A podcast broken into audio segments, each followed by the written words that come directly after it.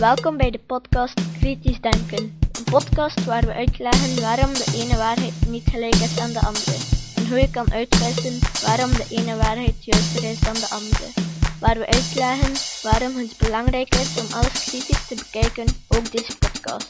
Goeiedag, het is vandaag zondag 20 december 2009. Ik ben Jozef van Giel en dit is de 41ste aflevering van deze podcast. Vandaag lees ik een tekst voor die door Brian Dunning voor de 180ste aflevering van Skeptoid geschreven werd over de ingrediënten die in vaccins zitten. Rick de Laat heeft deze tekst vertaald. Wat zit er allemaal in vaccins?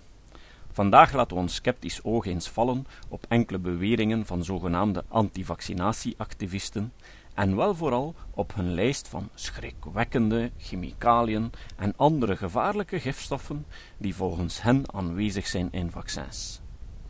Omdat het een belangrijk onderwerp is dat steeds meer en meer in de publieke belangstelling komt, willen we deze beweringen niet zomaar van de hand wijzen.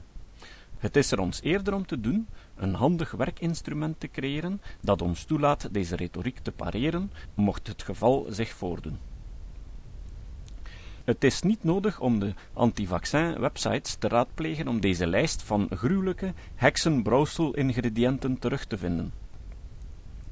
Het Centers for Disease Control, of CDC, publiceert een gedetailleerde lijst van elk additief in elk vaccin, gesorteerd op ingrediënt en op vaccin.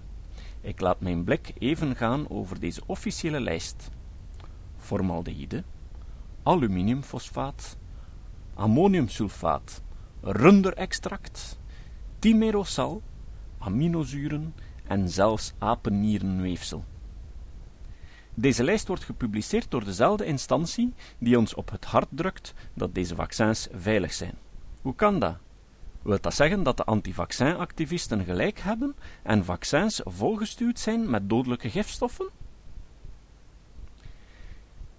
Hier moet je je buikgevoel even in toom houden. In de eerste plaats is het van belang dat je je realiseert dat elke cel van je lichaam opgebouwd is uit een groot aantal chemische stoffen en elk met angstaanjagende chemische benamingen. Daar kan je al uit afleiden dat angstaanjagende chemische benamingen op zichzelf niets te betekenen hebben. Nuchterder hoofden kunnen de mogelijkheid overwegen dat deze schrikbarende chemicaliën aan de vaccins worden toegevoegd voor een of ander nuttig doel.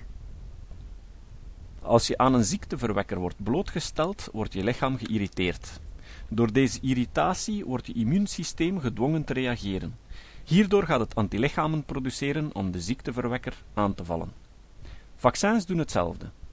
Ze bootsen de ziekteverwekker na om de juiste irritatie op te wekken, om je lichaam voor te bereiden op een mogelijke toekomstige aanval van een ziekteverwekker, moet het vaccin nu op een zorgvuldig geplande manier je immuunsysteem laten reageren. Op die manier zijn op het moment van de besmetting de antilichamen in je lichaam al klaar om de aanval op te vangen. Dus als je hoort dat antivaccinactivisten beweren dat vaccins schadelijk en irriterend zijn, hebben ze gelijk. Maar het gebeurt om een belangrijke reden en zorgvuldig gecontroleerd. Deze aanval op je lichaam om een immunologische respons uit te lokken is nu eenmaal de manier waarop vaccins werken. Je maakt je immuunsysteem niet efficiënter door vitamines te slikken of kruidenthee te drinken, of door yoga te doen, of door jezelf een koffielavement te zetten. Je versterkt het door het uit te dagen om te reageren. Nu we begrijpen dat een vaccin niets te maken heeft met een onwerkzaam huismiddeltje, kunnen we deze ingrediënten met hun angstaanjagende namen eens van naderbij bekijken. 1. Formaldehyde. Absoluut waar. Formaldehyde lijkt gevaarlijk omdat in musea dode dieren in dit product in flessen worden bewaard. Net omdat het een bacteriedodende werking heeft, wordt het in kleine hoeveelheden aan vaccins toegevoegd. Zonder deze sterilisatie zou een flesje vaccins kunnen bederven terwijl het ligt te wachten op een gebruiker. Waarom formaldehyde gebruiken? Wel, formaldehyde is een lichaamseigen stof die een normaal nevenproduct is van spijsvertering en metabolisme. Daardoor weten we dat deze stof voor het lichaam geen schadelijke gevolgen zal hebben, omdat je in je eigen lichaam al meer formaldehyde hebt zitten dan in dat ene vaccinspuitje aanwezig is. Al dit formaldehyde wordt door je lichaam gemakkelijk afgebroken en via de gewone weg uitgescheiden. 2. Antivries. Dit is simpelweg onjuist. Antivries, de giftige stof die in het koelwater van automotoren wordt gebruikt tegen het stuk vriezen, is ethyleenglycol. Juister, ethaandiol. Omdat het zo giftig is, wordt antivries nooit gebruikt in voedsel of bij medische toepassingen, en zeker niet in vaccins of andere medicamenten. Een minder toxische vorm van antivries is propyleenglycol. Maar ook dat wordt niet in vaccins gebruikt. Wel wordt in sommige vaccins 2-phenoxyethanol gebruikt. Het is een antibacterieel middel dat in vele vaccins wordt gebruikt om ze te steriliseren.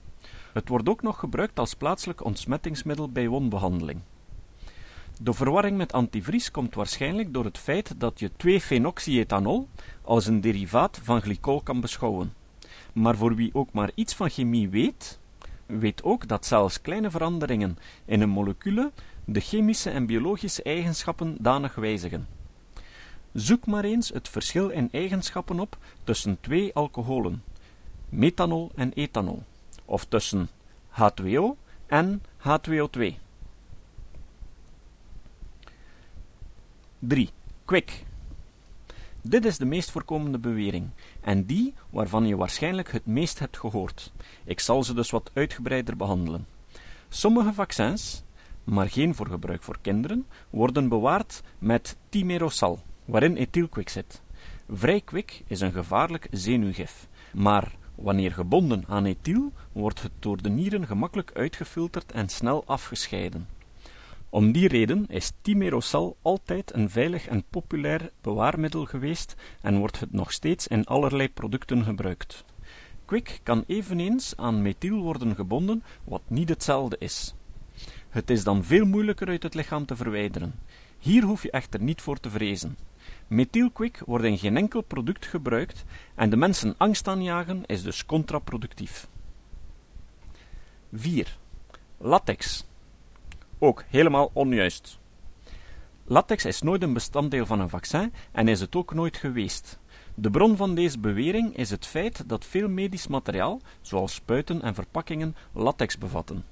Er zijn altijd alternatieve materialen voor personen met een acute latexallergie, maar dit heeft niets te maken met vaccins.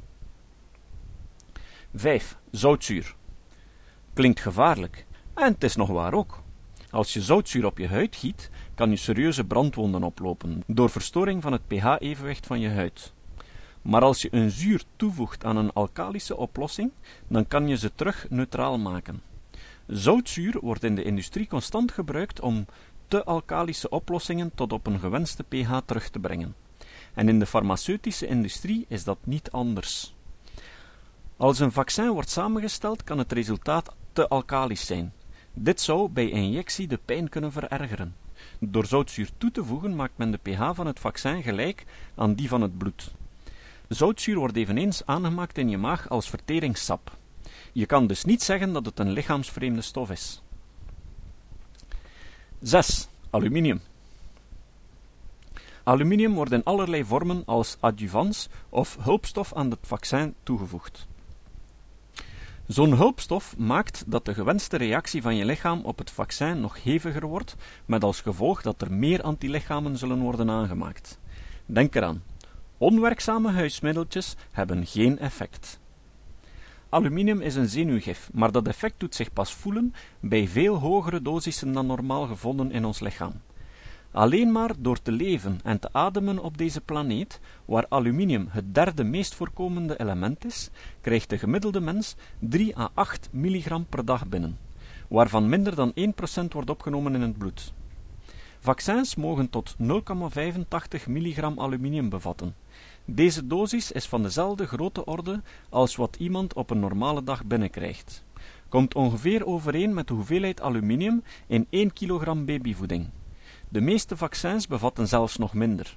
Studies hebben uitgewezen dat er geen verschil is in neurologische conditie tussen kinderen die vaccins met aluminiumadjuvaat hadden gekregen en anderen die het niet hadden gekregen. 7. Aspartaam. Opnieuw fout. Helemaal onwaar. Al zou enig zoeken op het web je iets anders kunnen doen geloven, want de kreet aspartaam in vaccins vind je overal op Google. In welke vaccins zit dat dan? Ik ging zoeken in de CDC-database van vaccins. Noppes. Ik ging ook eens kijken in een database voor additieven. Nog altijd noppes. Alleen in een antivaccin-artikel vond ik dat het tyfusvaccin Tifim-V het zou bevatten. Maar dat klopt niet. De additieven van Tifim-V kan je in een publieke lijst terugvinden en aspartaam is daar niet bij. Een link naar die lijsten kan je trouwens vinden op mijn website. Hier tref je de antivaccin-activisten op hun smalst aan, als ze er ook nog eens leugens gaan bij verzinnen. Dat is op geen enkele manier constructief te noemen. 8. Geaborteerd fetaal weefsel. Hier hebben ze wel het meest angstwekkend klinkend item uitgezocht. Al is dit specifieke ingrediënt helemaal verzonnen, toch is het zo dat vaccins eiwitten afkomstig van dierlijk weefsel kunnen bevatten. Humaan serum albumine of HSA is een stabiliserend eiwit dat gewonnen wordt uit donorbloed, niet van geaborteerde foetussen. Ook runderalbumine wordt in enkele vaccins toegepast. Sommige vaccins worden gekweekt in culturen van apen of kippeneierenweefsel. En als de vaccins worden geoogst, dan blijven er wel eens enkele cellen achter in het extract. Nog nooit is gebleken dat dit enig gevaar oplevert. Bepaalde vaccins worden gekweekt in kippeneieren en dus kunnen er wat kippeneiwitten in voorkomen. Dit kan een probleem opleveren voor personen met een uitgesproken allergie voor kippeneiwitten. Deze mensen moeten dus deze vaccins vermijden. Je hoort allerlei verhalen over mensen die in shock geraakt zijn door embryovocht en cellen van exotische dieren. Wees sceptisch over deze verhalen. En als je er toch door gechoqueerd en verontrust bent, neem dan vijf minuten de tijd om op het web na te gaan of deze ingrediënten werkelijk in jouw vaccin aanwezig zijn. En zo ja, waarom dan? En of je er nu echt ongerust over moet zijn. Ik verzeker je ervan dat Jenny McCarthy niet de best geplaatste persoon is om je voor te lichten over vaccinveiligheid. 9. Levende virussen. Bepaalde virussen behouden hun chemische karakteristieken in dode toestand in onvoldoende mate om je immuunsysteem te kunnen activeren. Daarom worden sommige vaccins met levende virussen afgeleverd. Meestal wordt formaldehyde gebruikt om ze onschadelijk te maken. Ze worden daardoor zo verzwakt dat ze geen gevaar meer opleveren, maar net levend genoeg zijn om de verlangde reactie uit te lokken. Dit wordt niet op hoe komt het uitgedaan. Het juiste evenwicht vinden tussen de effectiviteit en het ongevaarlijk zijn van een vaccin is geen kinderspel. Af en toe hoor je antivaccinactivisten roepen: Maak onze vaccins groen. Maar wat bedoelen ze daarmee? Zijn vaccins milieuonvriendelijk? Wat heeft groen zijn daarmee van doen? Vermoedelijk komt dit door het idee dat vaccins additieven bevatten die onveilig en gevaarlijk voor het milieu zijn. Spijtig genoeg is dit een te vage beschuldiging om er te kunnen op antwoorden. Specifieke uitlatingen kunnen getest worden, vage kreten niet. Zover heeft deze beweging de antis gebracht. Telkens als ze naar voren komen met een specifieke, testbare claim, kan deze gemakkelijk weerlegd worden. Kan een holle slogan als Maak onze vaccins groen geen onverdiende impact krijgen op de beleidsvoering? Vele antivaccinactivisten zijn ervan overtuigd dat een gezond dieet een voldoende bescherming biedt tegen ziekte. Spijtig genoeg gaat een gezond dieet je immuunsysteem niet activeren. Daarmee maak je geen antilichamen aan. Als dan een ziekteverwekker je lichaam binnendringt, dan kan hij zich ongehinderd vermenigvuldigen en word je ziek. Als je alleen maar aandacht besteedt aan je dieet en je fysiek, maar je immuunsysteem verwaarloost, mag je verwachten dat je slank wordt en eventueel een marathon kan lopen, maar verwacht dan niet dat je immuunsysteem zal voorbereid zijn mocht je tegen een poliobesmetting aanlopen. Een link naar de oorspronkelijke tekst kan je vinden op de notes van deze podcast. Actualiteit 1. Simon Singh Wie mijn website bezocht, heeft al de banner gezien van Sense About Science, om je aan te sporen om een handtekening te plaatsen op een petitie om de Britse zogenaamde libel laws of wet van aansprakelijkheid aan te passen. Die wet draait bij laster de bewijslast om. Het gevolg is dat Simon Singh, omwille van zijn tekst die ik tijdens de vorige aflevering voorlas, door de chiropractors met rechterlijke stappen onder druk gezet wordt. Deze wet is ook van toepassing op buitenlanders. Ondertussen evolueert de situatie. De vorige petitie heeft zijn effect gehad en dus heeft Simon Singh ondertussen naar iedereen die tekende en zijn e-mailadres achterliet een nieuwe brief geschreven. Ik heb ze ook gehad en Rick heeft deze vertaald. Hier komt ze. Een boodschap van Simon Singh. Beste vrienden, 18 maanden terug werd ik aangeklaagd wegens laster na de publicatie van mijn artikel over chiropractie. Ik zet mijn strijd voort en ben bereid mijn artikel indien nodig voor nog eens 18 maanden te verdedigen. Het lopende lasterproces was een lijdensweg, maar de voortdurende steun van zoveel mensen die inzien dat Engelse wetgeving in verband met laster aan herziening toe is, om een doorgedreven discussie over zaken die het publieke belang aangaan toe te laten, was een hart onder de riem. Meer dan 20.000 mensen hebben de verklaring Keep Libel Laws Out of Science ondertekend, maar nu is het weer nodig dat jullie een nieuwe petitie ondertekenen. De nieuwe petitie is nodig om de campagne voor de hervorming van de Engelse lasterwetten een brede armslag te geven. Sense About Science heeft de krachten gebundeld met Index on Censorship en English Pen, met de bedoeling aan 100.000 of meer ondertekenaars te geraken om politici de mate van publieke ondersteuning voor de motie duidelijk te maken. We hebben met verschillende leidinggevende figuren van de drie belangrijkste partijen overlegd en ze hebben hun belangstelling al laten blijken. Maar nu hebben we nog een laatste duw nodig om hen over de streep te trekken. Ten laatste zou ik nog drie punten onder de aandacht willen nemen. Ten eerste neem de tijd om je opnieuw in te zetten voor de herziening van de wetten op laster door www.libelform.org te ondertekenen. Ten tweede, verspreid de boodschap om te ondertekenen door bloggen, twitteren, Facebook en e-mailen, zoveel mogelijk onder vrienden, familie en collega's. Ten derde, voor de buitenlandse supporters, wees zo goed om te ondertekenen en ook anderen aan te zetten om hetzelfde te doen. Spijtig genoeg zijn deze Engelse wetten ook van invloed op schrijvers in de rest van de wereld. Maar nu hebben jullie de kans om deze wetten te helpen hervormen door de petitie te ondertekenen. Terwijl ik mijn eigen strijd uitvecht, hoop ik dat jullie willen vechten voor een algemene herziening van deze Engelse wetten op laster. En dan nog een tekst van uh, Seil van Sense About Science. De kampsterwetten door Sense About Science, Index and Censorship en English Pen gingen op woensdag 9 december van start. Als je meer wil weten van deze campagne, uh, ga dan naar de website Sense About Science, Free Debate.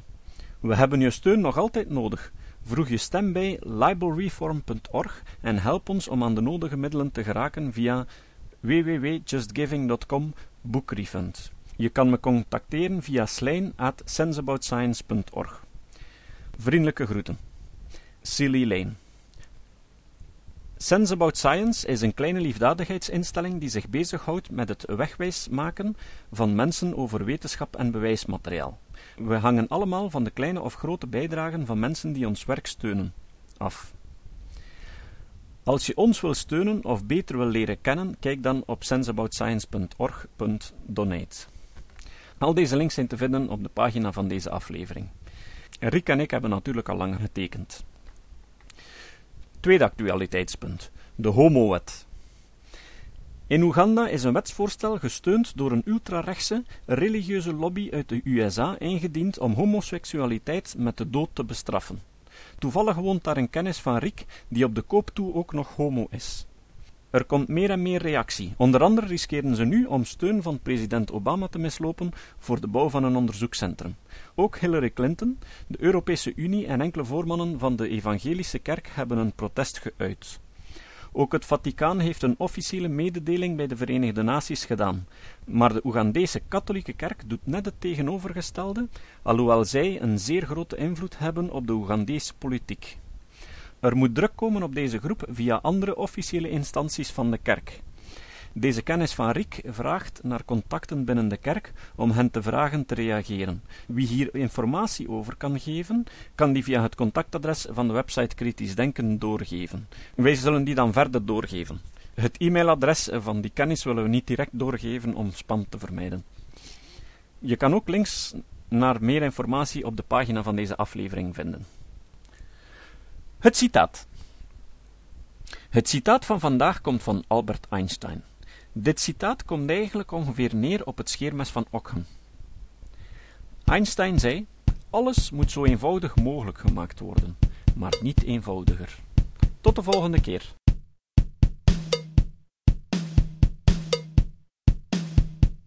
Dit was de podcast Kritisch Denken. Vergeet niet om alles kritisch te behandelen, ook deze podcast. Voor verdere informatie over deze podcast, links en voor de tekst, surf naar www.kritischdenken.info. Als je deze podcast belangrijk vindt, dan kan je me steunen door andere mensen warm te maken ook eens te luisteren.